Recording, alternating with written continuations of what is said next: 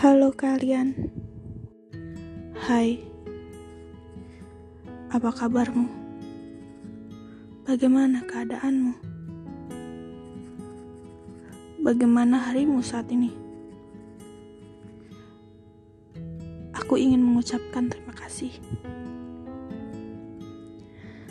Terima kasih sudah bisa bertahan sampai saat ini. Terima kasih karena kamu kuat. Tetaplah semangat menjalani hidup. Karena Tuhan mempercayaimu berada di dunia ini. Karena kamu adalah orang yang hebat. Semua beban kau pikul. Keluh kesal kau ungkapkan. Tetapi tetap kau harus berjalan.